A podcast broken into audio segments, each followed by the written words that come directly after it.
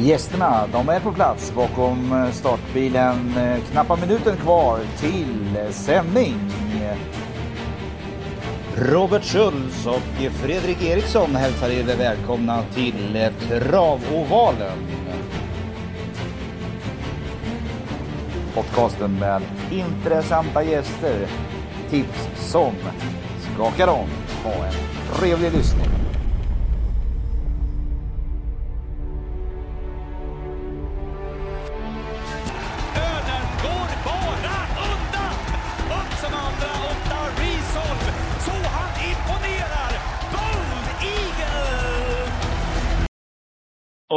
Äntligen är det torsdag och eh, vi vill hälsa Oskar J Andersson varmt välkommen till oss på Travovalen. Tjena Tack så mycket. Tack så mycket. Tjena. Där var du snabb Eriksson. Ja, Eh, tack. precis. Eh, nej men det är jättekul att du vill ta dig tid Oskar och eh, besöka oss på Travovalen. Det är, eh, vi försöker att eh, bjuda in gäster som dels är eh, aktuella vad det gäller aktuell V75-omgång. Men också så pratar vi ju kring med gäster som vi finner är intressanta. Och det kan man ju verkligen säga om dig, både som hela din rörelse. Så det här ska bli otroligt spännande att få höra. Eh, ja, vi får se hur lång tid det tar helt enkelt. Men eh, vi är spända av förväntan, jag och Mr Eriksson. Och jag tänker bara Jajamän. säga så här Oskar, än en gång varmt välkommen. Och sen får du lite kort bara berätta om, vem är egentligen Oskar J Andersson?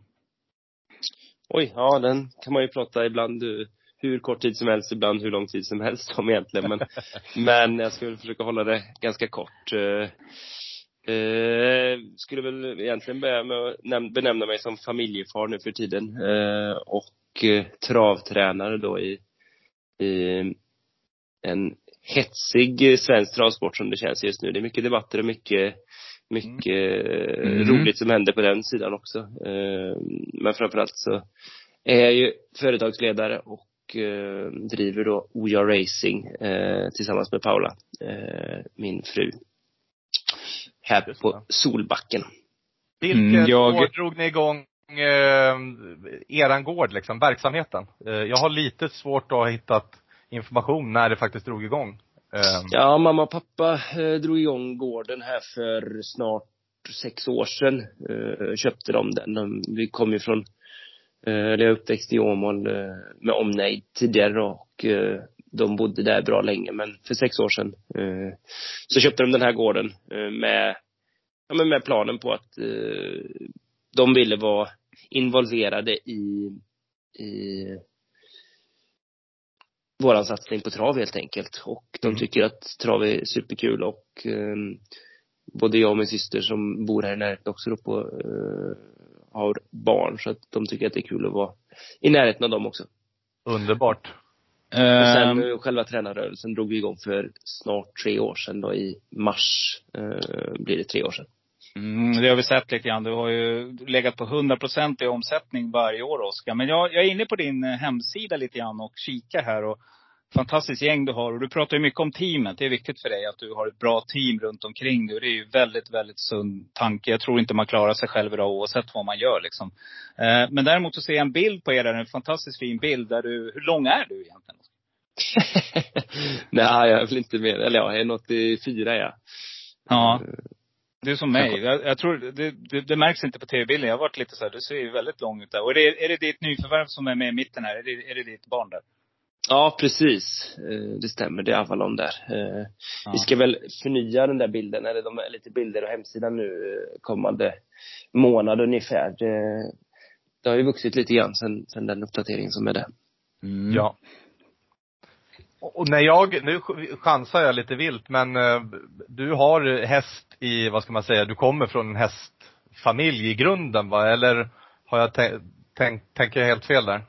Nej, men precis. Din mamma eller pappa har, Ja, men exakt. Pappa har ju varit eh, amatörtränare eh, under väldigt lång tid och, och farfar och han eh, höll på med, med trav innan dess då. Eh, och det har ju ja, fallit sig väldigt naturligt. Eh, Det var ju gunga i stallet och sen var det ponnyhäst Mm. tidigt. Och vi, jag och syrran gjorde ju allt med de här små ponnysarna som små då.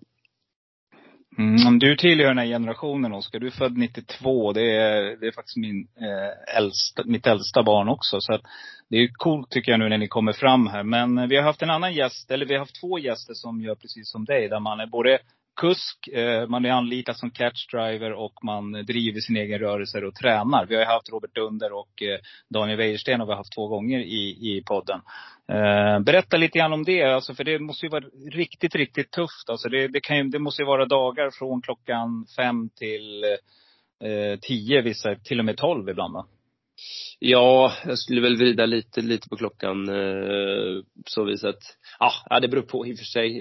Det var ju någon natt förra veckan då, det var ju klockan på tre för att eh, ut och försöka få till banan på rätt sätt utifrån hur, hur väderförutsättningarna är då. Eh, när det, när det är plusgrader, när det är minusgrader och hur, hur, eh, ja, hur vi ska göra, om vi ska dra in kanter eller om vi ska harva eller om vi ska försöka leda av vatten eller vad det nu kan vara. Så att eh, det är ju egentligen ett, eh, ett jourjobb kan man säga på det viset med banan just och sen eh, som du säger så är det ju stallet från eh, ganska tidig morgon till sent på eftermiddagen och ibland, eller rätt så ofta så är det ju tävlingar och då är det ju sena kvällar eller nästan tidiga morgnar ibland man är hemma istället.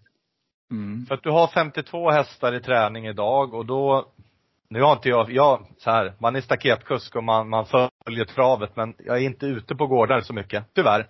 Men 52 hästar, en gård för att kunna hantera 52 hästar känns ändå ganska omfattande. Um, ja, så är stor, det. Storlek på gård och, och, att, ja, du kan vara tvungen att kliva upp i natten för att ordna upp träningsförhållanden för dina hästar. Uh, ja, men det och allt det som hör till även eh, ett 15-tal, 14-15 tvååringar där också. Eh, okay. Utöver det. Så att vi, nej det är en stor gård. Eh, den är på 100 hektar och den, ja det var ju därför de, ja vi, vi hade span på gården ganska länge faktiskt innan mamma och pappa valde att köpa den då. Och eh, hade ju tänkt igenom väldigt många delar utifrån hur vi skulle, hur vi skulle lägga upp det med, med allt från stallar och boxar och, och eh, duschhall och eh, hagar. Eh, personalutrymmen och, och mm. sådana saker då. Så att eh, nej, det, det kräver ju en, kräver ju väldigt mycket planering och eh, väldigt mycket genomförande också då såklart sen. Eh, men det har blivit väldigt bra. Vi har många stora fina hagar och eh, bra träningsförutsättningar. Så det, ja, det känns och då är det allt från rakbana till sandbana eller hur, hur tänker du kring har du fått, fått med dig mycket från Jörgen Westholm, dina år som lärling där, tänker jag? Eh, ja men lite både och. Han har ju en annan, ett annat hållningssätt med hästarna. Han har ju väldigt många på lösdrift då. Eh, mm, vi, mm. vi har unghästarna på lösdrift. Eh, och övriga på box. Eh, jag har valt det upplägget i det är lite, ja men det finns ju alltid för och nackdelar eller hur man känner kring det hela. Eh, och eh, ja, men i övrigt så är det ju samma grund, vissa grundprinciper med, med intervallträning och, och sådana saker. Och sen så jobbar man alltid utifrån sin egen gård, vart man nu håller till och hur man vill lägga upp det. Mm. Så att det, ja, ja vi, vi kör ju en hel del tryckvagn då. Um, mm.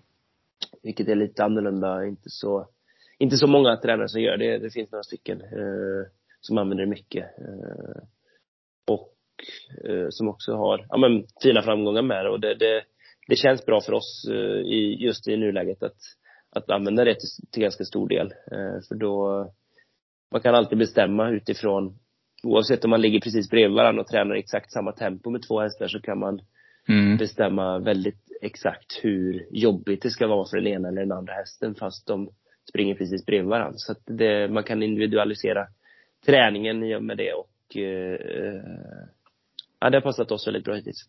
Mm, du, annars, alltså när man pratar, för du nämnde det själv att en företagare, vad heter det, man sätter ju ofta lite mål och visioner. Man har femårsplaner, kanske tioårsplan. Eh, din gård då, hur liksom, vad är, vad är målet där? Hur många hästar vill du ha i träning eller har du ett perfekt antal som det är idag? Ja men det här som, som vi, där vi står idag är ju egentligen det som har varit ja, målet då, om man säger så eh, i ett första läge som du, som du pratar om att att eh, eh, ha en gård eh, med ungefär det antalet som jag ansåg att den skulle hantera på ett bra sätt eh, Mm. med de förutsättningarna som vi, som vi valde, har valt att satsa på fram till nu då. Eh, så det är väldigt, väldigt bra att det, att det är så det ser ut också, att vi kan ha det Ja men den är, den är gjord för det så att säga. Eh, Det känns bra att det inte är att varken gården är överdimensionerad eller underdimensionerad för det det, det gäller att man får, får det att flyta och fungera, att alla saker eh, passar ihop så att man får ekonomin att gå ihop också i, i slutändan. Mm. Eh, en annan tanke som jag slog mig också, det var eh, just det här när man, när man som dig tränar hästarna och man funderar på eh, lite utrustningsändringar, det får man ju ofta höra i olika poddar. Och vilken utrustning ska du köra med och sådant. Är det, vem pratar du med kring sånt? Pratar du med dig själv eller är det tillsammans med Paula? Är det hon och du som ha diskussioner? För hon, om jag förstår rätt, är också med och tränar hästarna och kör på. Hon har ju själv vunnit V75 faktiskt. Så att, eh, är, det, är det ni två som teamar ihop där och, och kommer fram till olika utrustningsändringar till exempel? Ja, men jag är väl ganska, alltså det är väl klart att eh, i grunden så är det ju, är det jag som tar, tar besluten kring det och funderar kanske allra mest kring det, eller såklart mest kring det. Men eh, jag har ju ändå väldigt duktig personal som, som har bra koll eh, överlag och bra erfarenheter. Eh, så att vi, jag diskuterar med egentligen alla som, som eh, är inblandade på ett eller annat sätt får ja men det är bra att få höra mm, de som är närmast sina hästar ibland och Mm. sen är Mattias Bante en del av teamet också som som följer travet på, från en annan vy mest då så att det, vi diskuterar ju såklart också en hel del. Eh, nej, så det kan eh, dyka upp den typen av diskussioner både vid middagsbordet hemma men även i Mm. fikarummet eller under träningspass eller på väg till eller från trav då, eh, när man funderar på vad som blev rätt och fel eh, den här gången. Mm. Du ska inte ta något tips av mig och Eriksson för tillfället i alla fall. För vi har varit helt iskalla på V75 länge här. Så att, Eriksson, vad det än gör, skicka inga sms och jag lovar att jag ska inte heller göra det. Nej. Inga helstängda huvudlag från er just nu då. Ja.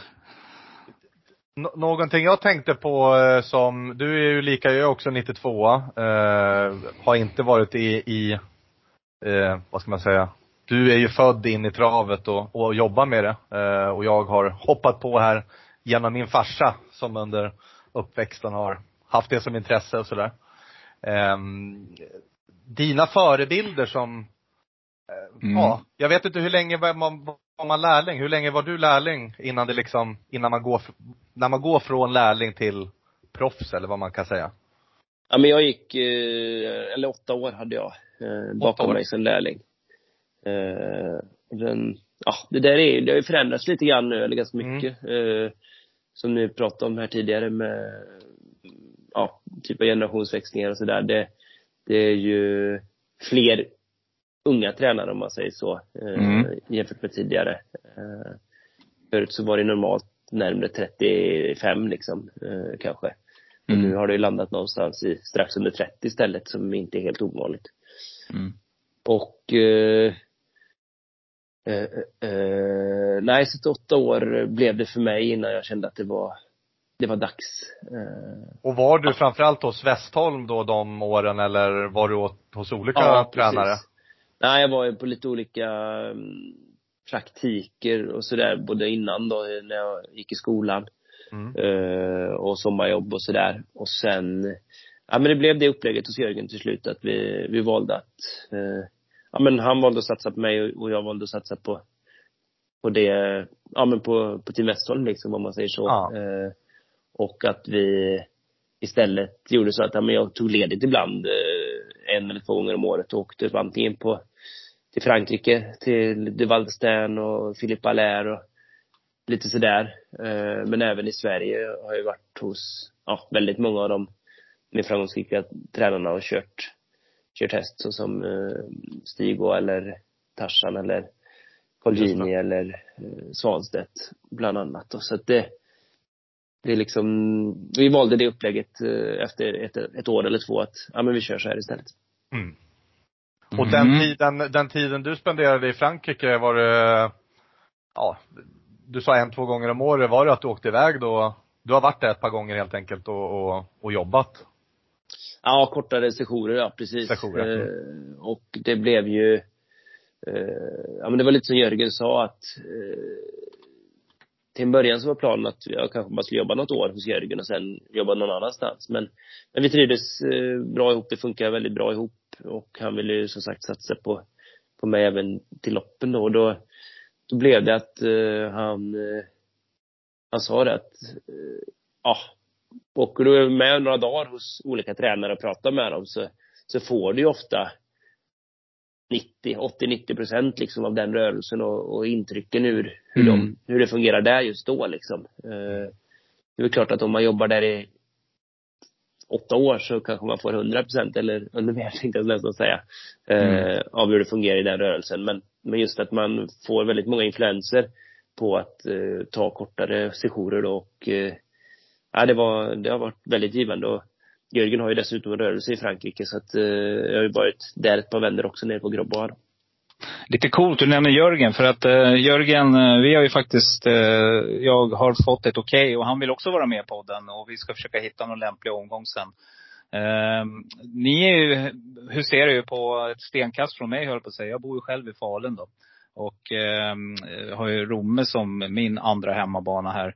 Eh, hur tänker du kring det? Alltså, det måste vara ruggigt inspirerande att se Jörgen och hans framfart här och även själv då att liksom komma och matcha honom. För att eh, någonstans det här med banchampionat och sånt där, det är väl intressant, är det inte det? Eh, ja, det är ju, alltså det är väl klart på ett sätt eller en- ett eller annat sätt så är det väl det. Men, men det är väl, det är också lite storleksbaserat eh, och, och vart man håller till då, eller hur jag ska uttrycka mig, med vart man är hemmahörande och, och sådana saker. Men det, det är ju, det är väl klart att det är ju en eh, fjäder i hatten att, att uh, vara barnchampion eller, eller liknande. Uh, men uh, nog är det väl ändå den, de stora loppen eller, eller uh, sådana saker man vill lyckas med. Men även om mitt fokus hittills, som sagt, jag har bara hållit på i två och ett halvt, tre år som egen, egen tränare och det, det har ju ändå varit att bygga ett bra företag där, där hästägarna trivs, där skötarna trivs och, och att det är stabilt eh, Mm. byggt ifrån grunden då. Eh, Mm. Men vi har lyckats ta något tränarchampionat redan på Gävle i fjol och eh, Mm. eller ja, för fjol blir det ju nu när vi spelar in efter nyår. Eh, och eh, eh, ehm, det är klart att det var häftigt, men, men som sagt, det är, vi tävlar på många Fokuset olika ligger banor. inte där. Nej, precis, precis. Utan det, nej men det är ju mer att få fram, jag vill ju hellre ha liksom häf, alltså häftiga hästar om jag säger så, alltså kvalitetshästar som, Mm. som eh, kan tävla i, i stora lopp och det, det skulle ju vara det är ju inte så att jag sätter något mål i att försöka vinna något typ av barnchampionat eller så, utan jag har ju målen i att nå långt med individerna, eh, i, framförallt gärna i stora lopp. Mm. Men jag tänker ändå där att, att eh, jag tror jag nämnde det med Daniel också där på Bergsåker så är det med några hungriga tränare nu blandat med några äldre som, det, man sporrar ju varann liksom och, och den här, eh, nu säger nu, vi talar utifrån Romme då, det måste ändå bli en känsla av att jag tänker på alla de här breddloppen och lunchtravet och allting som är, ju bättre material som finns desto bättre är det för alla hästar att man får bra konkurrens så att säga. Och det höjer ju också spetskvaliteten på, på banor. Och jag menar nu på Romme, ni håller på att bygga upp någonting riktigt bra. Det är många väldigt duktiga tränare där nu.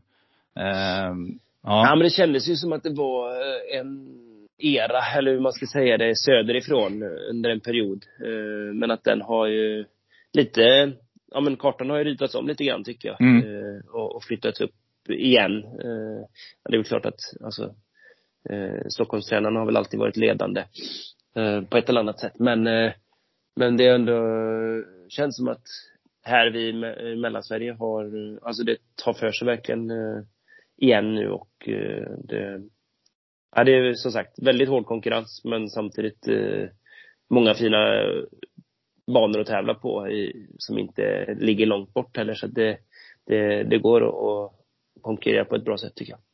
Precis. Och jag ska bara, du ska få brygga här nu Eriksson, för jag vet att det är en fråga som du vill ställa sen. Men um, vi har pratat lite grann om Jörgen, han får ju prata för dem. Han har ju gått ut här nu och, och gett ett förslag hur man ska fördela prispengar tillsammans med ATG, vilket jag tycker verkar väldigt sunt. Men du nämnde ju det Eriksson, det är ju väldigt mycket uppe i, det är väldigt mycket på tapeten nu vad det gäller travet. Det är många diskussioner som förs mm. parallellt och du ville ju prata med Oskar om någonting. Jo, man kan inte låta bli att ta upp det nu när vi har chansen att prata med en aktiv eh, i tiden. Jag tycker man senast här, här i morse läste någonting och hörde någonting om uppsättningsavgift här för eh, catch drivers. Ehm, hur man som i din verksamhet till exempel ställer sig till det, hur det påverkar, hur du tror att det kommer påverka ehm, sporten i stort. Ehm, det känns som att det rör om i alla fall. Och, och, om det är bra eller dåligt, det vågar inte jag säga någonting eftersom att jag inte kan tillräckligt eh, än. Men bilda, försöker bilda mig en uppfattning av allt man hör. Ja men precis, det är klart att det är en, ja men det är en intressant fråga som har dykt upp. Eh, och eh, jag har väl inte Eh, har väl inte tänkt att sätta mig in i debatten supermycket utan eh, jag har tänkt att fortsätta som, som jag har gjort innan med, på eget bevåg då, eller egen, för egen del eh, mm. med kuskandet. Eh, får vi se vilka vägar det tar. Eh, men Du kör ju väldigt mycket själv i, i loppen. Ja men precis. Eh, även en del som, en del som catchdriver och ja. har väl minskat det lite grann i samband med att eh, satsade på rörelsen då. så får vi se om, om jag ökar upp det, om, om det finns möjlighet att öka upp det igen sen framöver här eller inte, det får vi, det får vi se helt enkelt. Men, men jag har tänkt ligga på samma eh, linje som, som det har varit innan. Det har funkat bra tycker jag och eh, har känts ganska rimligt. Eh, det är alltid svårt. Det, det går att peka åt alla olika håll hur, vad som är rättvist eh, åt höger och åt vänster. Eh, jag tänker men, att det kommer bli lite splittrat, att vissa kommer ju känna att ja, men jag kan ta en uppsittningsavgift. Eh, Medan vissa som kommer upp och är nya i sporten kanske kan slå sig fram genom att, jag vet inte, inte, man säger att man inte har uppsittningsavgift eller ja, jag vet inte. Ja, Det känns som att marknaden kommer kanske ta hand om en del eh, frågetecken över tid här. Ja, ja men det tror jag absolut. Eh, jag har för mig att, eh, utan att nämna namn, en finsk mm. kusk eh, eh, valde att köra extremt billigt eh, en period för att han ville slå sig in i Finland då. Mm. Eh, och eh, ja, lyckades med det. Eh, tror att han blev mest vinnande kusk efter några år. Och från att liksom inte i princip kört någonting då. Eh, ja, jag vet inte hur det mot, togs emot först av de andra kuskarna och, och ja, hur hela hur det hela såg ut. Men det är ju som sagt en fri marknad på det viset. Så att, eh, det kommer jag förstår att hästägare, att, att äga häst är ju, det är ju inte gratis och har man många hästar och det ska starta mycket, ja, personligen så räknar man ju bara på fingrarna att det blir, kan ju bli ganska, ganska dyrt över tid ändå. Ja men så är det ju. Och det är klart att eh, det som var lite förvånande i debatten var väl att eh, hästskötarna är ju ändå de som, ja. som lägger extremt ja. mycket tid i, i på hästarna för att ta dem till start och för att, eh, för att få dem att vara i skick för att tävla. För att det är ju ett eh, väldigt mycket lopp. Eh, det är också en annan fråga att det är ju för mycket tävling egentligen. För mycket ja. lopp i svensk travsport tycker jag. Mm, mm. Kraven att loppen ska fyllas då för att det ska vara intressanta spelobjekt blir ju är ju också höga. Och som sagt, hästskötarna lägger ju enorm kraft och tid på att eh, ha hästarna i skick för att tävla. Eh, så att, eh, jag är lite förvånad att inte debatten var hur, hur man ska kunna främja deras eh, tävlingskvällar då egentligen. Nej. Att, eh, det känns inte som att skötare växer på träd. Eh, tvärtom att eh, sporten saknar snarare eh, ja, arbetsvilliga skötare och det är ett slitigt jobb, jobb som, ja, man kan lista ut om man tänker med allt ifrån åka till den ena banan sent och ja, det är ju en, blir ju en livsstil äh, att hålla på med häst. Ja, men och det är viktigt att tänka på att man, man liksom, de, det måste ju uppskattas eh, både från chefer och från, eh, ja men även från travsporten i stort då. Eh, mm. Och det är väl där det kanske har gått snett på båda håll för vissa. Eh, och det, det skapar ju en, en negativ spiral. Eh, och, eh, det, nej, jag, jag tycker väl att fokuset borde ha legat mer mot, mot det hållet om, om Mm. det skulle vara så. För att nu, om det nu kom in ett antal miljoner mer in rakt in i sporten med prispengar på ett eller annat sätt så innebär ju det en löneförhöjning för, för alla som kör in pengar. Eh, Mm. Även catchdriversna då fick en löneförhöjning redan i, i eller när vi catchdrivar om jag ska uttrycka mig så eftersom jag gör det själv ibland också. Så var det ju en, en löneförhöjning om man nu väljer att ta betalt för den så kallade Mm. startpengen då också. Så är, var det faktiskt en, en uh, ren löneförhöjning för alla. Eh, Ja. Och det är lite det Jörgen, det här förslaget som du pratade om tidigare där. Eh, Ja. han pratade lite med mig också om det innan han la ut det och, och det, det var ju, det är ju ett rent, en ren löneförhöjning för alla egentligen, kan man ju säga. Och ja, det enda jag har svårt att svara på med den frågan, han skrev ju det att det, pengarna finns och det, det kan jag, det har jag svårt att svara på om, om de 250 miljonerna finns. För det är väl klart att alla bara kan säga att ja men får vi bara mer pengar så blir det bra. Eh, Ja. Det är ju det är ju enkelt att uttrycka det så. Eh, men det är inte jag rätt person att svara på om det är så. Men han skriver Nej. att han vet det, så då, då, då får vi väl hoppas och tro att det är så. Då kanske det är så. Ja. ja, precis. Jörgen säger så. Jörgen så. säger. Ja. Nej, men, Nej, så men det, det där, om vi stannar där lite, jag, jag måste slänga ut frågan om skötare. Är, är det för få skötare i Sverige? Är det liksom en brist eller har jag Eh, nej, jag upplever väl ingen brist eh, just nu, utan det är väl mer att de, det, det är viktigt att de tas om hand på rätt vis. Ja. Vi försöker verkligen eh, göra det här. Vi, kan- ja, mamma, vi, vi kör ju både fika och lunch eh, som mamma lagar mat till allihop här och eh, underbart? försöker att ha, ja men Rå om varandra. Ja, men precis. Ha alla på gott humör och, och eh, få energi då är är ju en av de viktigaste delarna. Sen Ja. finns det ju inget, eh, man försöker ju, om det är två hästar som ska åka och tävla eh, och skötare har varit iväg, de vill ju åka oftast på trav. Det är det som är också att Mm. de, de vill ju verkligen, det är ju lite lite den här kronan på verket eller liksom pricken över i att få åka och tävla med den här hästen som man har eh, lägger Presentera en sin häst liksom. Ja, men precis. Lägga mycket energi på. Och sen så vill man att allt ska vara rätt in i sista stund och man vill ju vara där om det, oavsett om det går bra eller dåligt såklart, men lite extra om det, om det skulle gå bra då. Eh, och det är mycket känslor inblandat i det också så att, eh, men vi försöker ändå att, ja, är det två hästar eh, så kanske bara en skötare åker liksom och att, så att inte man behöver åka överallt hela tiden och att man försöker hjälpas åt på olika sätt på det viset då. Mm. Ja, jag eh, tänker också att debatten den far ju åt alla håll här och eh, det kommer ju också, eh, precis som du säger Oskar, så är det jätteviktigt att börja tänka på hästskötarna. Eh, sen tycker jag också att eh, någonting man ska tänka på är att börjar vi ta betalt, då ökar kraven också.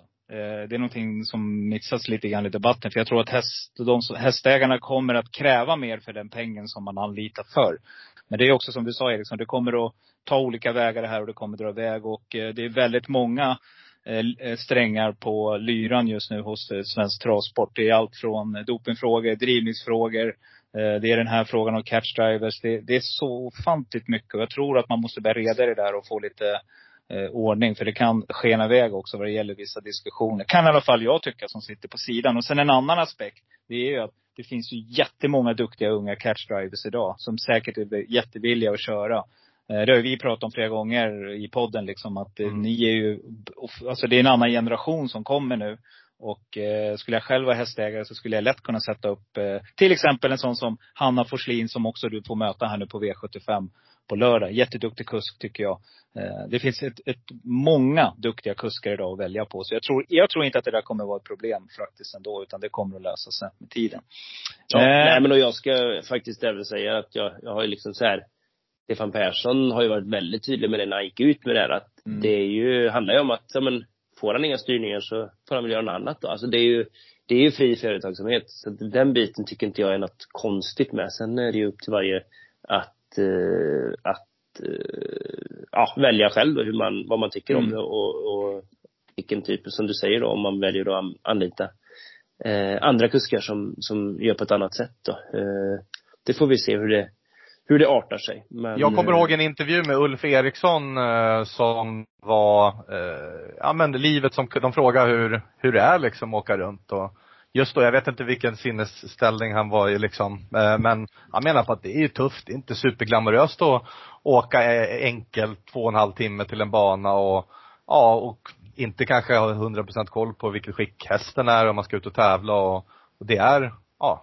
fan man kan åka hem och komma, komma sist eller galoppera. Eh, Ja. eh, Nej, men då är det ju så att då, då, om man nu vill ha bättre koll på vilket skick hästen är så kan man Nej. vara travtränare och köra hästen själv istället. Nej, exakt, det, jag håller med. Det är ju, det Men är att ju det liksom, inte är så glamoröst heller. Det verkar inte, i alla fall, jag vet inte vad han var i för Nej, som sagt, nu är det inte syftet att prata om Nej. honom just. Utan Nej, eh, nej. rent allmänt så är det ju så faktiskt att det är ju eh, eh, eh, ah, ja, jag tycker att det inte är Ja men fokuset ligger lite på fel personer. Det är klart att de, de, sagt, de får göra precis hur de vill men det är ju Det är ju inte de som eh, lägger grunden för att, att det är travtävlingar. Eh, utan det är ju eh, hästägare, hästskötare och tränare liksom som, som gör att det, det är travtävlingar.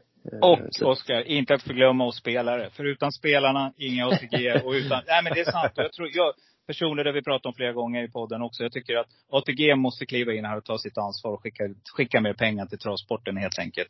Eh, det, är, det är min take på det här och jag tror att vi har kommit till eh, till V75-omgången som stundar. Eh, Och Ja. innan, vi, innan vi, vi kommer in där Oskar, så är jag lite nyfiken. Vi var inne och kollade på lite siffror. Du körde in, var det 5,2 miljoner tror jag någonting i din tränarrörelse förra året. Och 6,4 miljoner tror jag det var som kusk. Hur, hur, har du satt något mål för nästa år? Ska du ligga kvar på ungefär samma siffror eller vill man liksom öka på det där? Det är väl klart att man vill öka på, men det, det, har ju, det var ett väldigt bra år eh, överlag, även om vi inte fick eh, någon riktig, ja, alltså vi hade förutsättningar för att, att få till en riktig smäll om man säger så. Eh, Ja. Börja bäs, i korta E3 framför allt kanske. Mm. Eh, satt ju fast i ryggledande. Eh, Ja. Och eh, det är ju små marginaler för att dra in de här stora pengarna ibland. Eh, Mm. men eh, det nej, vi, vi var nöjda överlag. Vi hade väl en förhoppning om cirka fyra miljoner då eh, inför året och eh, det är nog, ja, det är klart att man vill flytta fram positionerna fort och, och snabbt Mm. och allt ska ske liksom på en gång men, men samtidigt ska man ju försöka vara lite realist i det hela att det, det har sin gilla gång ibland och vi, vi siktar på att komma upp i, i något liknande eller sa- samma till en början och så eh, Mm. får vi se vart det kommer utan det, eller vart det landar. Det är ju det är liksom inte något vi går och tänker på i januari utan det är mer att, ett fokus på att försöka ha hästarna i, fin författning, att ha dem eh, där vi vill ha dem inför, inför tävling helt enkelt. Grymt. Och om jag bara säger, ja, en fråga som jag också, eh, vilket lopp om du fick välja idag skulle du vilja vinna helst? Mm. Vad är drömmen? Jag tror ändå, alltså, om jag får säga så här då. Inte i år, kan, eller jag vet inte hur det kommer vara med publiker i, i Elitloppet och sådär framöver. Men, men det kan ju inte bli i år ändå. För jag vill ju gärna vinna Elitloppet med en häst som jag vann med derbyt med något år innan. Om jag får säga Ja. så då. Ja. för att jag Ja. gärna har vunnit. Ja. Båda de två loppen är ju extremt häftiga. Men, men att eh, vinna Elitloppet inför den publiken, det, det är liksom, den känslan, ja. Jag har ju själv stått på elläktaren många gånger och liksom får ju Mm. känslan av hur det, hur det måste vara att stå där på andra sidan och just vunnit Elitloppet. Jag har ju vunnit Elitloppshelgen tidigare och Mm. ett par gånger och det är Mm. Mm. extremt häftig känsla men, men just att ha gått hela vägen med en, en yngre häst och, och helst som sagt har lyckats vara bäst i kullen, vinna derbyt eh, och så fortsätta ta den till, till Elitloppet. Eh, ja, det hade varit något det. Häftigt. Coolt. Det ser vi fram emot. Yes. Ja, vad säger vi om v veckans V75-omgång? Den går ju på Gävle och eh, du kör ju en hel del på Gävlebanan också, Oskar. Vad, vad har du att säga om banan? Och bakom startbilen och, och längden på upploppet och lite sådär. Ja, men det, det är väl en ganska, ganska mm, basic bana, lite eh, spetsgynnad. Eh, och eh, lite att Eh, ett par spår ut är väl inte fel bakom bilen. Eh, just innersta är väl ingen, ingen fördel, även om jag kan ha minnen av att jag både spetsat och, missat spets när jag tycker att jag borde ha spetsat eh, från, från just brick 1 till exempel. Så att det är inte omöjligt på något sätt att ta ledningen från spår 1 men, men kanske inget plus. Mm. Och Rocketboy eh, kliver ju du ut med den tränade hästen, avdelning 5. Exakt. För det, så att inte jag har missat någonting, det är det som är på V75. Det är det jag har läst mig till. Eh, Ja, precis. Till lördag. Vi- Ja men exakt. Vi har inte så många eh, egna hästar igång och Nej. startar precis just nu. Eh, även om jag, planen är att vi kommer dyka upp på V75 eh, lite, lite grann här un, även under vintern då. Men, eh, Mm. Men att eh, som egen tränad så är det Rocketboy eh, den här Mm. gången ja.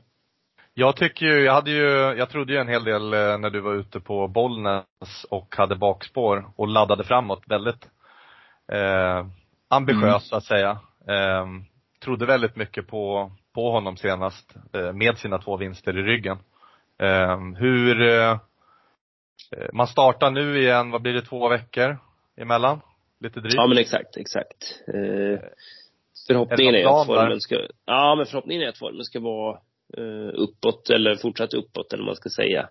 Eh, han, ja, jag låg egentligen lågt inför senaste starten då det var eh, för honom ganska dåliga förutsättningar med bakspår och han är ju väldigt startsnabb eh, och trivs bäst i ledningen. Eh, ganska loj häst som, som, ja, när han får ta i så funkar han bäst liksom. Eh, men så såg jag ju en liten, liten öppning i att eh, kunna göra det jag gjorde då. Eh, för att försöka ta mig förbi Mattias Djurses häst och eh, Ja, tyvärr Rocketboy var inte riktigt med på noterna första 30-40 utan först när han fick fritt framför sig så så fick jag honom att ta i ordentligt och ja, det kanske inte hade spelat någon roll. Det kanske var lite för lite marginal ändå men, men vi var åtminstone med och körde rejält om det. Det såg ut som att han tog tag i grejerna i alla fall och jag tror att vi kan räkna med honom på lördag. Spontant så, så här onsdag eftermiddag så är, eh, är det, du sträcker till 3% mot, eh, ja på förhandsfavoriten no, no Limit Express 33 Och det är ett ganska stort hopp där. Ehm, hur tänker du långt ut på vingen? Är det att ladda fram eller? Ja, men som sagt, fråga det, men, eh, ja, ja. Ledande fråga. Det, ledande fråga. det, nej, men det är absolut eh, såklart eh, planen att, att vara med rejält från start och se, se om vi kan nå ledningen ändå. Eh, det är väl inte, tyvärr då, det mest troliga scenariot med tanke på antalet hästar innanför och, och vi- vissa av dem är snabba och vill inte, ja, kanske vill köra ledningen också så. Så att det är, det är väl därför han inte har blivit mer sträckad heller. Eh, Nej. hade man bytt spår på, på mig och någon av dem ganska långt in där så, så kanske det hade sett lite annorlunda ut eh, såklart. Mm, det är Billy Eilish där i ruggigt startsnabb. Men han vek ju ner sig från spetsigt. Så att eh, man vet aldrig. Men Jorma, han har väl aldrig släppt ledningen någon gång. Det Nej. låter osagt. nej, han, han gillar att köra där och hålla igång hästarna. Eh, ja, nej men det här är ju klart intressant som du säger Eriksson. Jag tycker ju att eh, 3 det, det här är ett väldigt öppet lopp. Eh, det kan gå lite hur som helst här. Så att, och han är ju segervan den här rackaren. Alltså, han har ju vunnit 38 procent av sina starter, Rocket Boy. Så det ska bli jättekul att se han. Ja, Okej, Gävle travbana, ganska kort upplopp. Fördel att ligga lite längre ut bakom startvingen. Är det samma både vad det gäller medeldistans och, och, och kortlopp där? Är det, är det olika eller? Nej, jag upplevt det som eh, ganska lika. Eh, har gjort, Mm. Ja. tycker jag. Yes, och sen är ju också catch driver på lördag. Exakt. Eh, vad vet du om, om den hästen? Ja, men jag har kört honom eh, några gånger nu. Eh, Mm. Och han gör det ju bra varje gång. Han är, ja men lite, alltid lite bortglömd sådär. Eh, eller ja, ja jo men ändå lite, eh, har väl inte fått fullt förtroende liksom.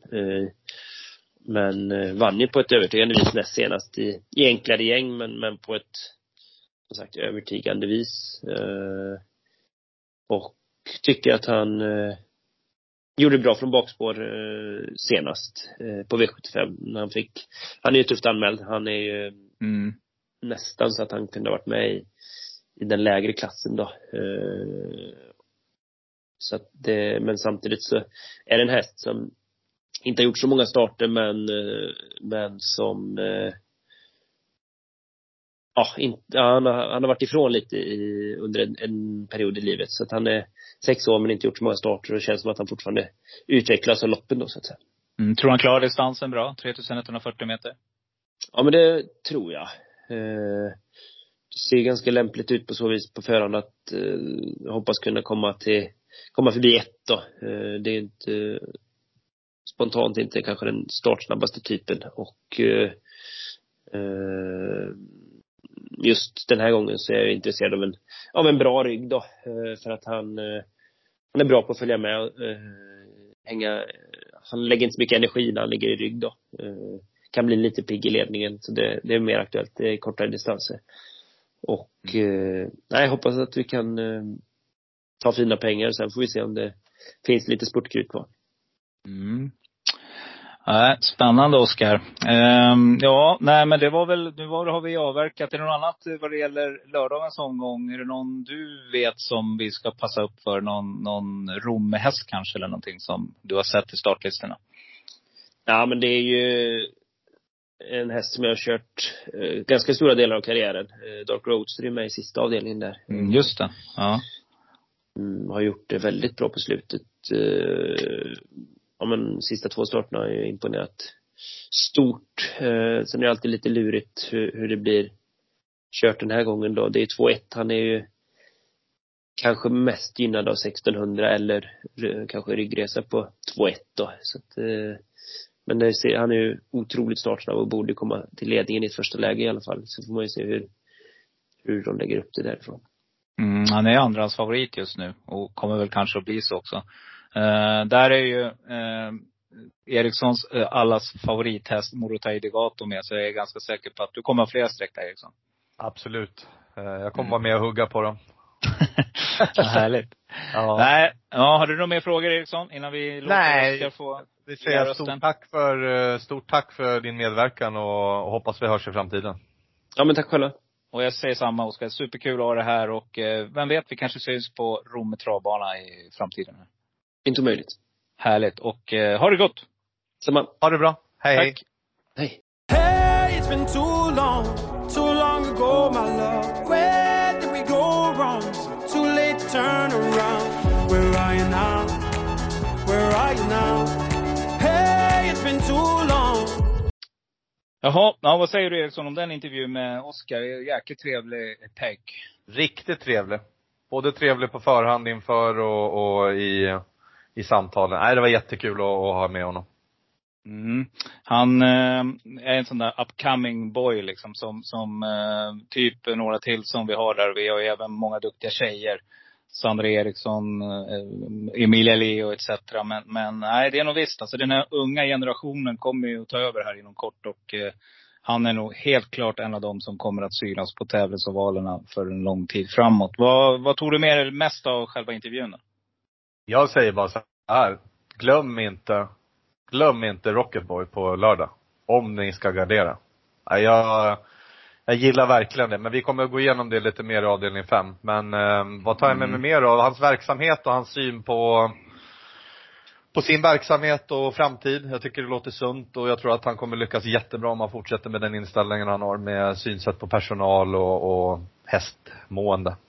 Mm, och lite som jag pratade om teamet där. Det är ju väldigt viktigt mm. tycker jag att man tänker på helheten och inte bara damma på själv utan att det är verkligen teamet som, som ska göra det. För att man är aldrig bättre än sin sämsta länk eller vad man säger. Det är ja. någonting sånt i alla fall. Så att, eh, ja, helt klart. Nej, det var kul. Jätteroligt att få stifta bekantskap med Oskar. Jag hoppas att ni lyssnare också tycker det. Och eh, vi fortsätter att jaga intressanta eh, gäster till Travavalen. Du, nu Eriksson, ska vi, eh, innan vi börjar, hur gick det förra veckan?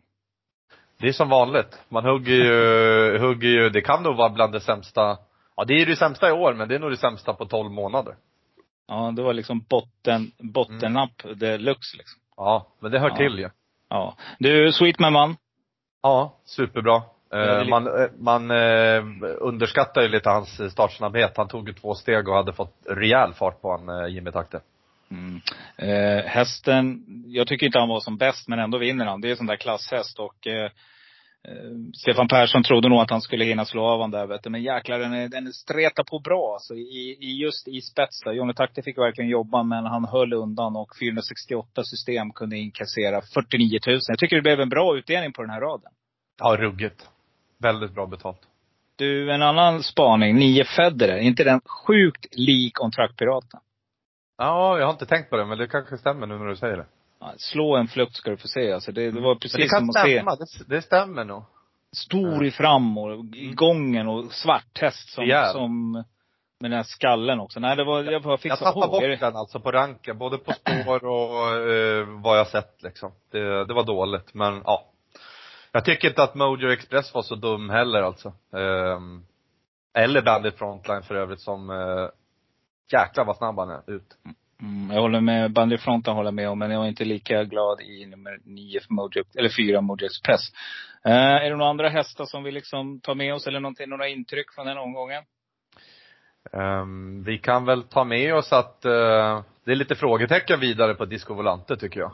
Säga vad man vill liksom. Det, det är en nioårig vallack som borde, ehm, ja, borde inte böka till det så här och komma iväg ändå, tycker jag. Jag är lite besviken. Men den, jag gick ju på Lucifer Lane och där fick man ju bli påmind om att hur mycket kusk gör i lopp. Inget ont om det han gjorde. Eh, jag undrar om, om hästen är bra nog också. Stannar upp lite liksom. Ja, jag vet Mm. inte.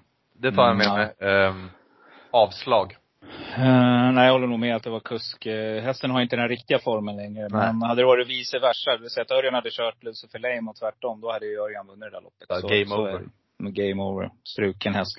Vad heter det? En häst eh, som jag varnade för, det var ju nu sex Quite the Barbara med Kajsa Frick till 0,87 procent. Hon dundrar in som trea, så jag hoppas att ni lyssnare fortsätter att lämna in era platsspel. Kan också nämna att jag fått en del eh, meddelanden att man saknar det sista momentet. Två poddar i rad nu så har det inte varit eh, solklar, tänkbar och ensam kvar. Så jag kommer att spela in det till den här en liten snabb efter att jag och Eriksson är klara. Så kommer jag i alla fall att lämna det. Så att eh, eh ni får de där riktiga superstänkarna. Det hade garanterat nummer sex, Quite Barbara, varit med. Nej men vad ska jag mer säga lite snabbt? Jag tycker att Eh, omgången var ganska slätstruken. Det kändes direkt att man inte var där. Brukar, som jag brukar säga, man, man är där när man känner det. Men det var verkligen en sån där omgång med, det inledde med favoriter. Då var, då var man liksom borta. Eh, men jag tycker också att eh, Racing Rib gör ett grymt lopp. Och det är en sån där nästa gångs häst som ni ska plocka med. Den är riktigt bra nu två starter i rad. Och kommer det något kort lopp framöver här så tror jag att den bara vinner den hästen. Ruggig.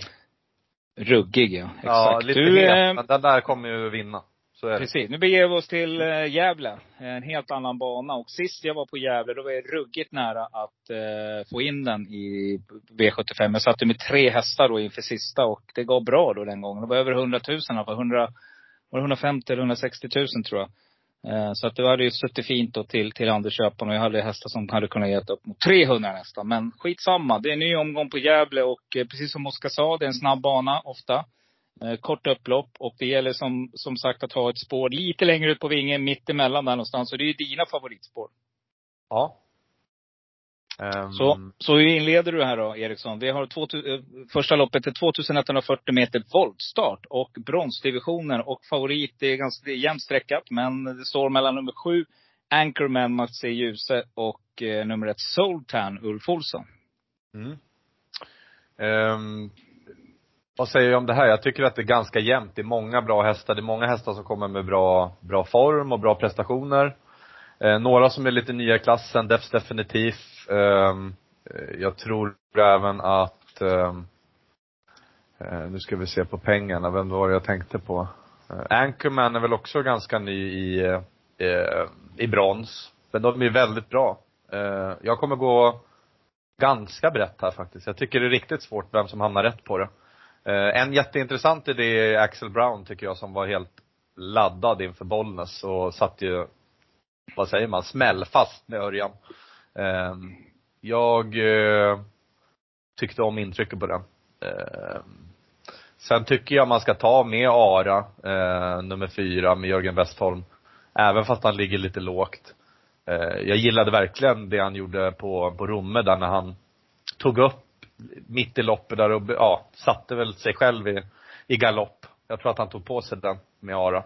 Mm. Ehm, jag kanske får ge mig lite med Soultan. Jag har kollat om det där loppet några gånger och ja, den gör det bra, men det är inget så här så bara wow, 23 procent. Det kommer ju hända mycket till på lördag. Eh, Så vi får se vad kollektivet säger. Jag, jag är inte supersåld faktiskt.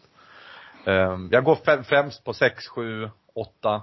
Eh, Tyckte 9 såg lite, lite förbättrad ut senast på Bollnäs. Ja, jag går med några streck här helt enkelt. Överlever borde jag göra i alla fall. Mm, du tror det.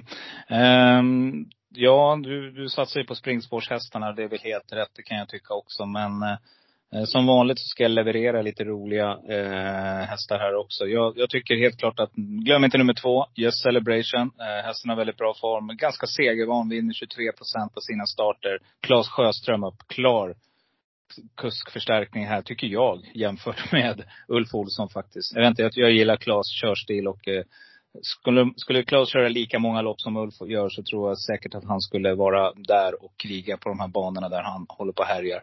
Eh, en annan häst som jag tycker att man ska plocka med, eller två hästar faktiskt från bakspår. Det är nummer nio, Victory Topline, Rickard Skoglund, Bergans häst. Helt bortglömd nu. Tänk på den här hästen. 2,99 procent. Tack för kaffet säger jag. Riktigt kapabel häst. Eh, inte alls borta. Nummer 10, Juakari, har en kan- knallform. Torbjörn Jansson kör, gillar att köra den här hästen. Väldigt pålitlig den här hästen och stark och rejäl. Till 0,76 procent. Jag fyller på dina hästar för om du har sagt dem kommer jag också att sträcka på, på min kupong. Ska jag ta med en häst till, glöm inte nummer fem, Iceland Radio, Hanna Forslin. Spår fem på Gävle är bra i volten faktiskt. Så att eh, det är väl de jag tycker är intressanta. Eh, ja, vi har ju då eh, kommit till V75 2 och det är 2140 meter Eh, kallblodsdivisionen. Och eh, jämnt spelat lopp. Där eh, vi får lite intressanta gäster från, från Norge. Bland annat Norge då, då med Björn Steinseth som vi har stiftat bekantskap med tidigare. Men en häst som blir väldigt intressant att se det är nummer nio Gomnes Fax med Lars Raum. Den här hästen är ju ruggigt bra. Framförallt är den startsnabb. Men den har sju raka vinster.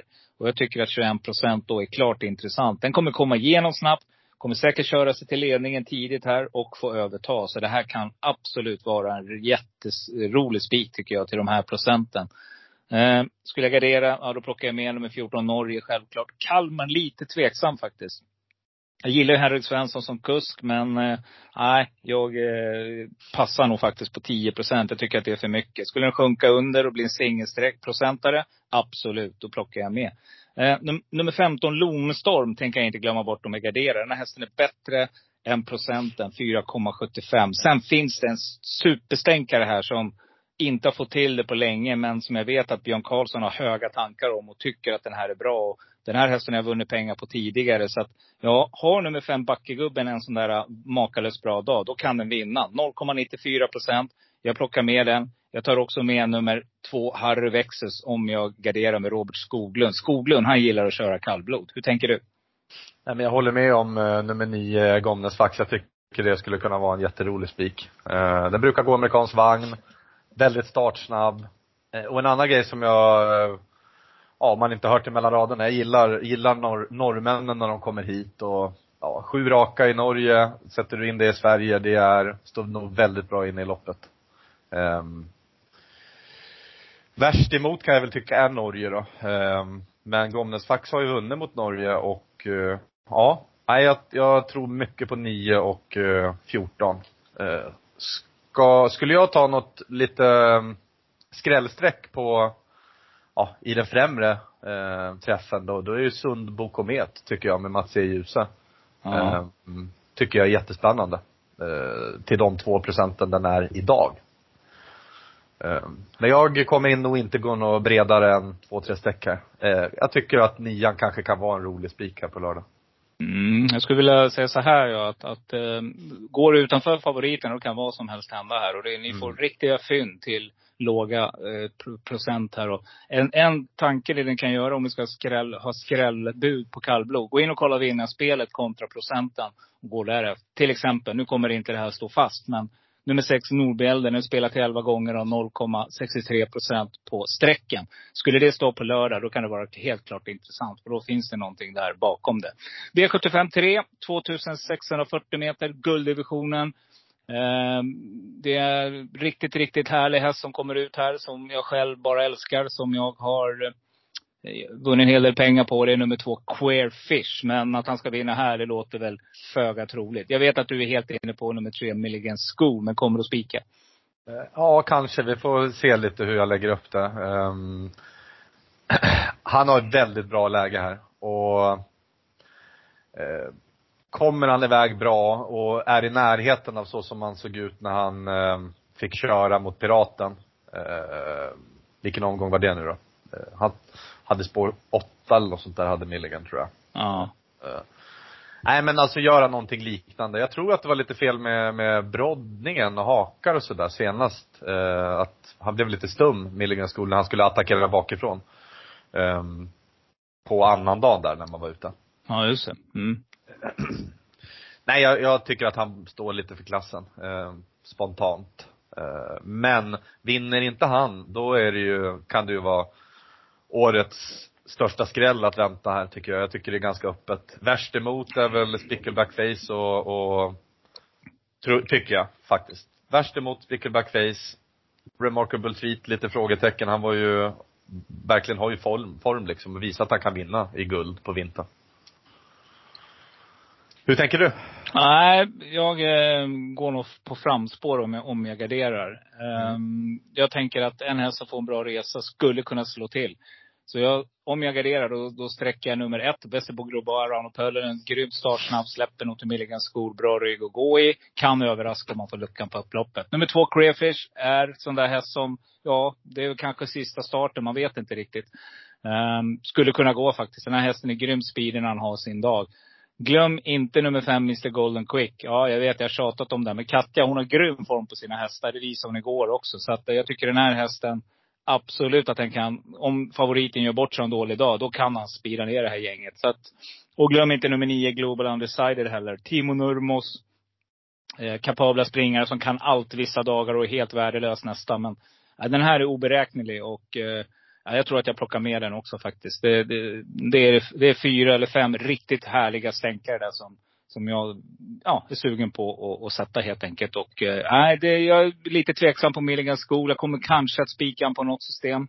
Eh, Men jag tror att jag kommer försöka gardera honom också. Men det är helt klart. Man pratar till och med om Frankrike med den här hästen. Så att det är klart att han ska ha bra chans att vinna. Ja, spännande. V75 4 diamantstort. Och eh, vi har två volter tillägg på 20 och 40. Och favorit just nu är ju nummer 13, Carry Cash med Jörgen Westholm. Ja, han har ju gett klartecken på den här racken. Så att eh, det ska väl vara väldigt, väldigt bra chans. Men jag tycker att det finns ett par riktigt roliga eh, skrällbud i det här loppet. Och jag är inte så säker på att den ska vara spelad till 57 procent som han är just nu. Um, jag tycker att nummer 11, Saga Dock, har jag väntat på länge. Och den spurtar ju bra varje gång.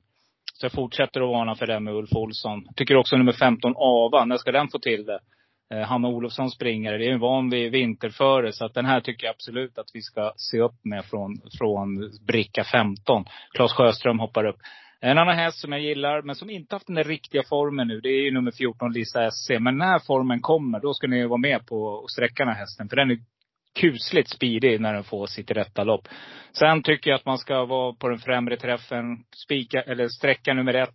Nicky Min- Minaj, Nicky Minaj med Rickard N Skoglund, Fredrik Wallins häst. Han har bra form också på stallet nu. Jag plockar med nummer två.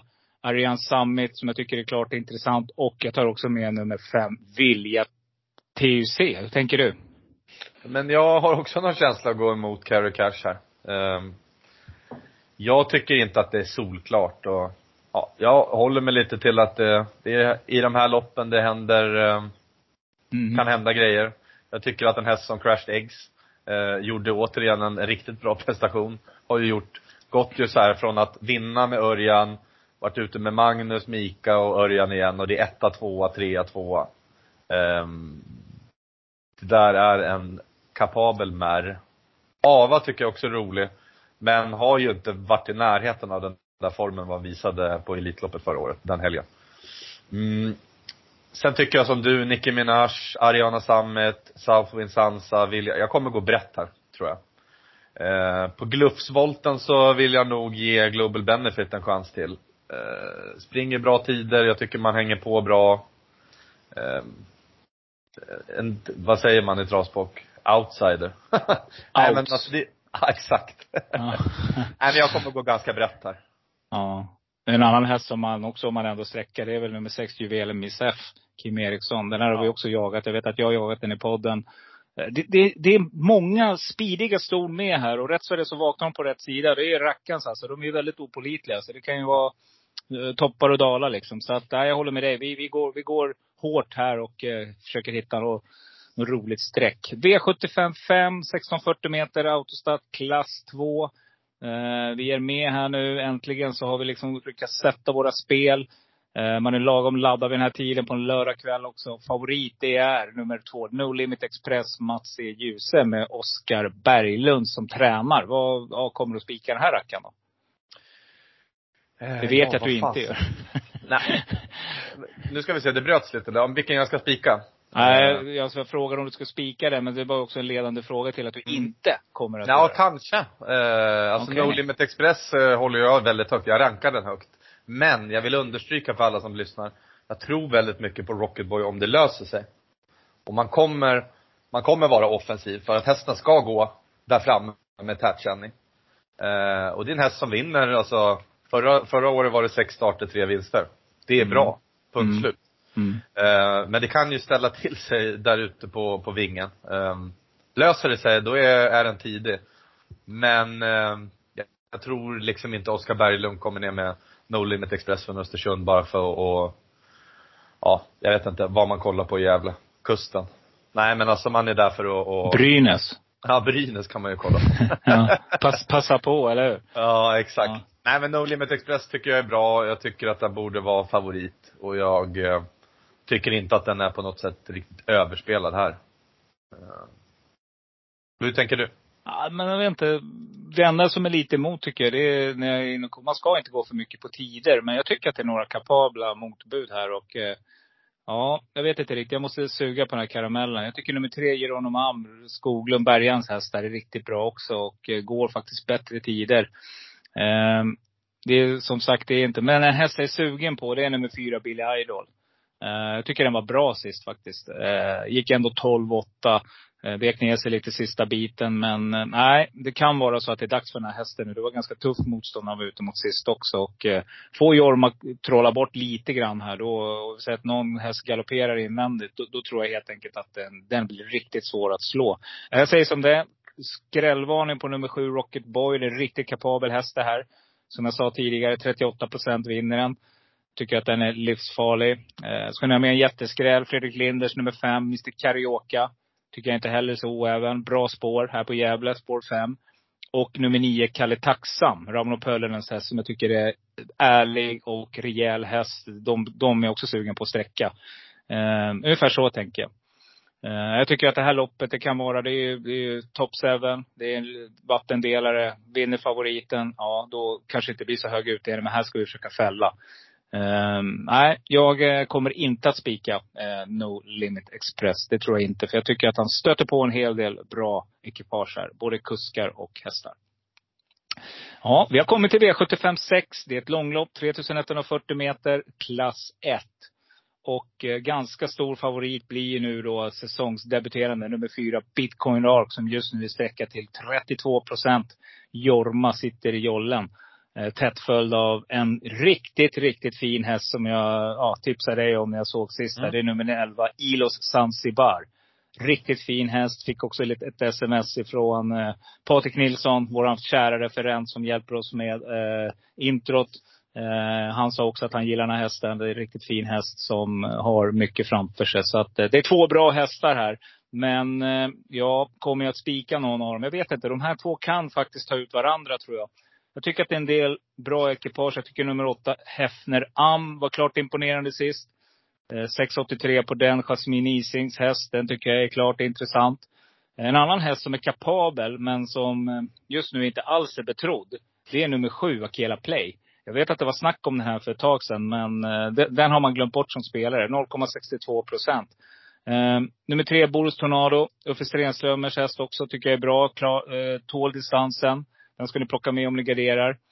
Eh, skrävspår nummer ett, Jano Di Quattro, Rickard Skoglund avslutar jag med till eh, 7,15 procent. Sen måste jag bara nämna innan du gör, nu får jag chansen att vara först. Det är ju nummer två, Secondary Stål. Som Oskar själv lät väldigt pillemariskt kring, tycker jag.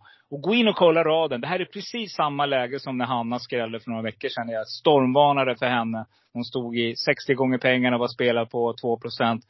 Eh, för mig att det var 60 eller var det 30? Ah, det var högt odds i alla fall. Eh, det här är en livsfarlig rad. 2, 3, 3, 1, 3. Det kan smälla här. Så att, eh, passa upp för nummer två, Secondary Stål. Perfekt startspår. Långt lopp. Vad som helst kan hända. Och Oskar lät sådär lurig. Hur tänker du? Mm. Um, jag tycker det här, ja, här har man väl spruckit så nu är det ju dagens dubbel.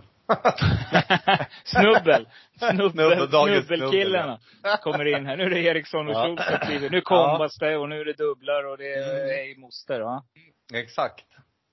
Eh, nej men eh, Bitcoin Dark är ju jättesvårplacerad. Jag gillar inte att hålla på och gissa så här. Det, däremot så tycker jag att man kan, jag tycker man kan ställa sig in på att eh, Nurmos selar ut hästar i bra skick. De startar inte igång liksom att de får gå några lopp och komma i, komma i lopp för att komma i form liksom. Eh, jag tror man, ja, jag tror man kan räkna med Bitcoin Dark från början, men jag är inte så säker på att man bara brakvinner. Eh, jag kommer försöka gå kort här eller, eller så sträcker jag på lite. Jag tyckte det var spännande med Ilos Zanzibar. Eh, Jag tycker den såg jättefin ut i senaste starten och de starterna när den har startat Mm. i Finland. Jag tycker den, eh, det är likadant där. De kan komma och ha tjänat lite för lite pengar. Eh, Vara lite, ja, lite för bra ibland. Eh, Jag tycker inte man ska vara så himla rädd för läget heller. Det är ju 31-40 liksom. Ehm, jag fortsätter att tro på Art Brown. Eh, jag gillar vad jag sett. Um, satt väl fast igen senast. Mm. Var väl lite överambitiös av mig att tro att man skulle ha någonting och ko- komma ut därifrån. Även Örjan fick problem. Så att han kom ju, gick bra till slut liksom. Ehm, jag noterar också att det här är ju klass 1 och eh, långdistans. Det är inte supervanligt på V75. Nej. Janne de Quattro var ju jättebra. Jag tycker det är ganska jämnt. Ilos Zanzibar kanske sticker ut. Jag vet inte riktigt än. Vi får se där eh, efter 20 över 6. Mm. Jag hade, inget riktigt bra svar. Jag hörde själv hur jag låter. Men, Ja. eh, Vi låter som papegojor. Vad heter det? Art Brown, du nämner den och, och lite sådär när jag, när jag, ju mer jag tänker på det. Alltså det, det är ruskigt läge på den här också alltså. Den har ju också Ja. varit påtänkt, gjort det bra tycker jag. Kör, Erik körde bort den för två starter sen. Ehm, nej, jag eh, kan hålla med dig här faktiskt. Jag tycker att det här är ett roligt spikförslag för er som vågar lite till 20 procent. Helt klart så, ja, klart tänkbar om man säger så. I den kategorin. Mm, V75 7, 2140 meter, silverdivisionen. Ehm, ja, det är nu det ska avgöras. Pengarna ska fördelas. Kalla det vad ni vill. Favorit, nummer... Här kommer ju riktigt här roliga hästar ut. Men favorit är nummer 10, Eddie West, Claes Sjöström. Låter också sådär ruskigt pillemariskt kring hästen. Men går den bara ut och vinner här? ja, gör den det? Jag vet Eh, inte. Jag, Nej, nej. Nej men man eh, låter väldigt, det låter väldigt bra på Klas. Eh, ehm, det är ju en värsting. Men ehm, på förhand så här så 50 procent som man har varit, nu 48. Det är lite tuff procent kan jag tycka. Mm.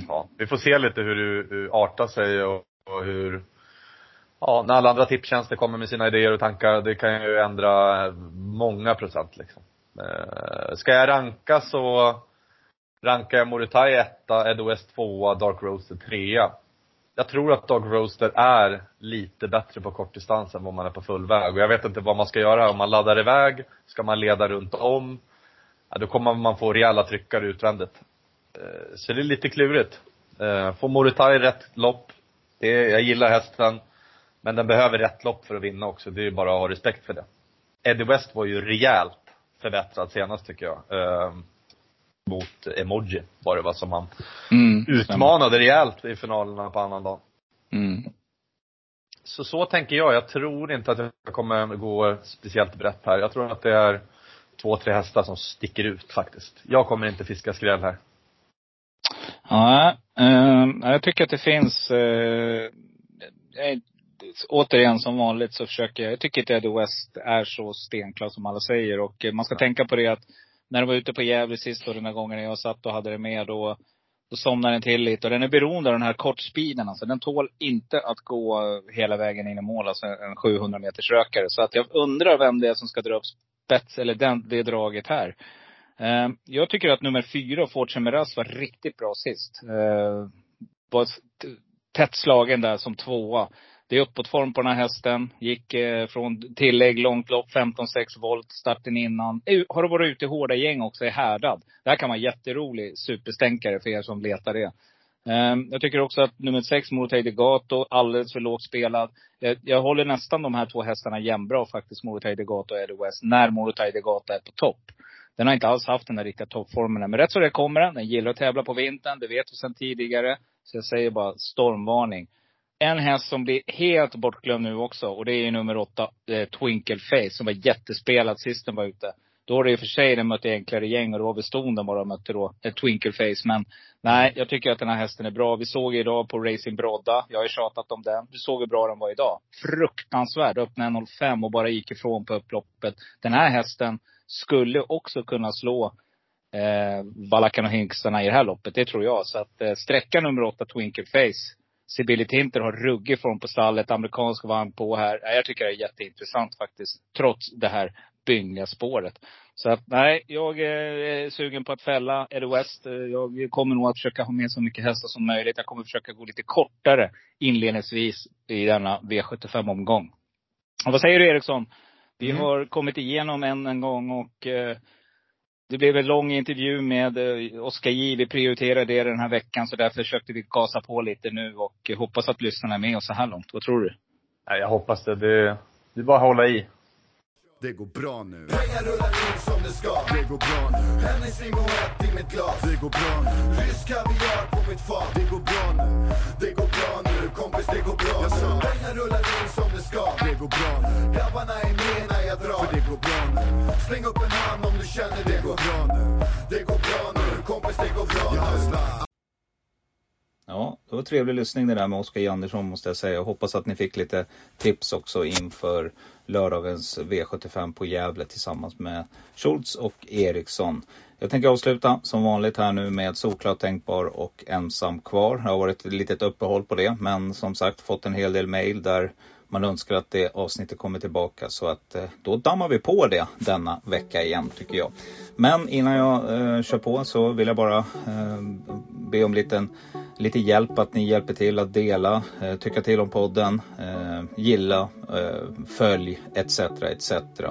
Eh, det hjälper oss att utvecklas och eh, vi får då än mer energi att göra bättre poddar, bjuda in, fortsätta bjuda in intressanta gäster Eh, för att som jag sagt tidigare, den här podden är helt eh, avgiftsfri i alla lägen. finns inga inkomster eller intäkter so ever. Så att alla som är med här, allt från gäster till mig och Eriksson, ja, är, vi har inte en krona för det vi gör. Så att allt energi vi kan få, får vi hjälp att dela podden så blir vi bara superglada.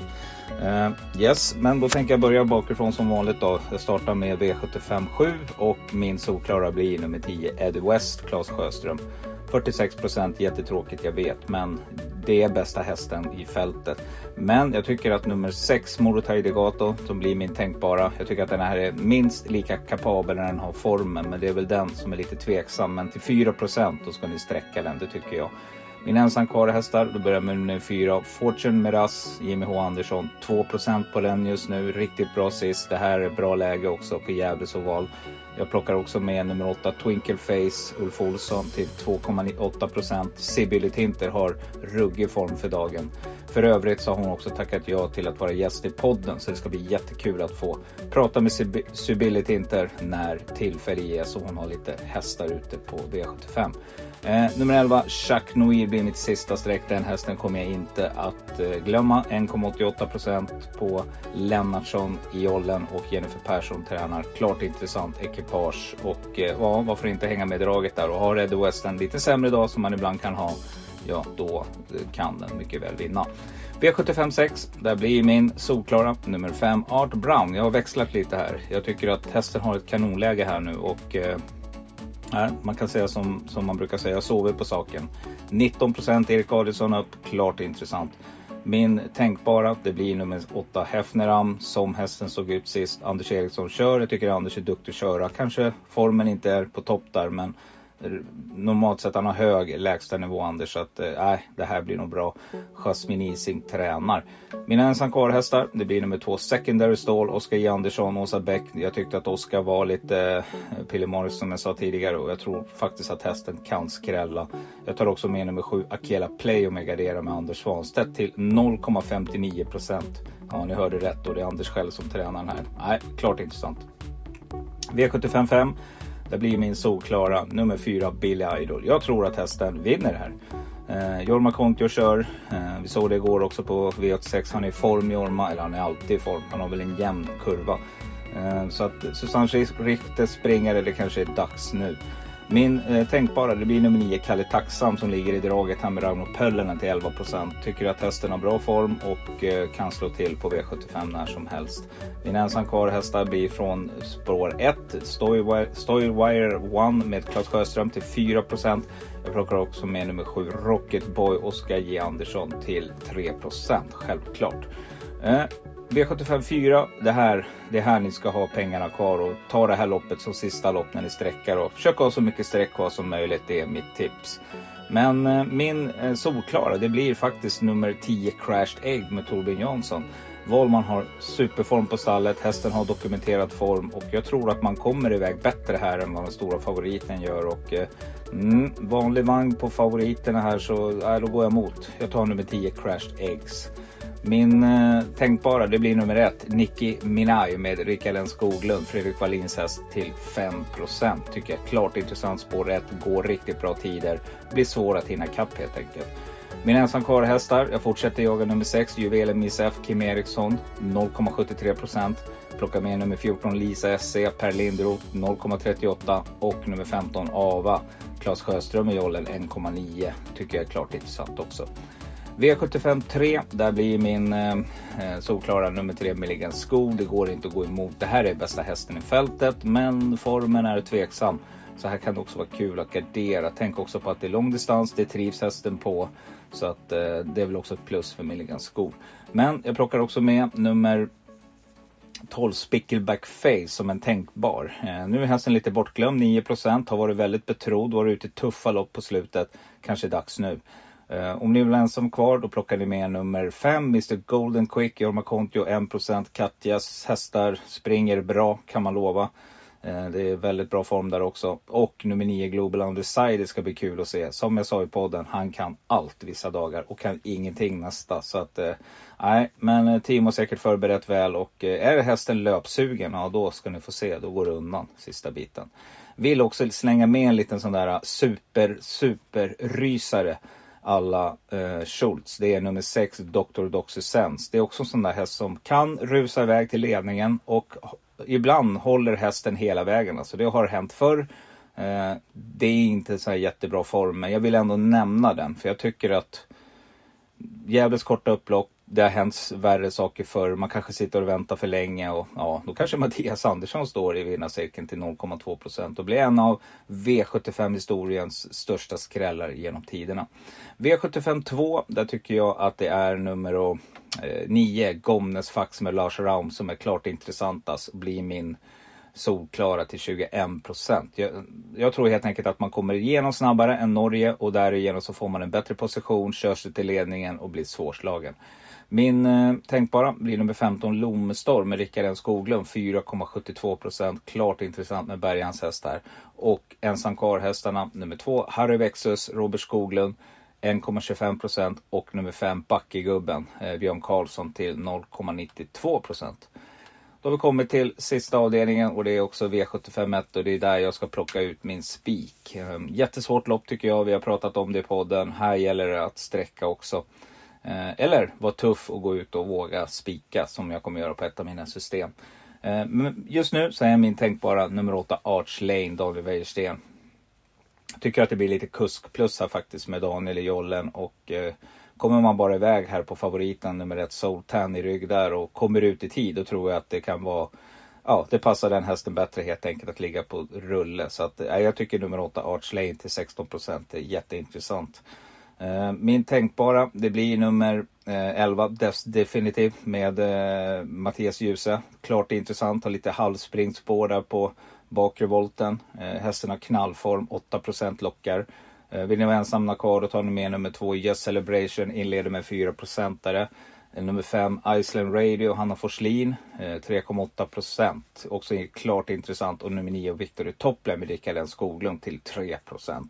Ja, det hade varit en skön start på lördagens V75. Ja, med det sagt så är det bara att eh, som vanligt vara försiktiga om ni där ute. Det är fortsatt pandemi som råder, jättetråkigt. Elitloppet är i fara.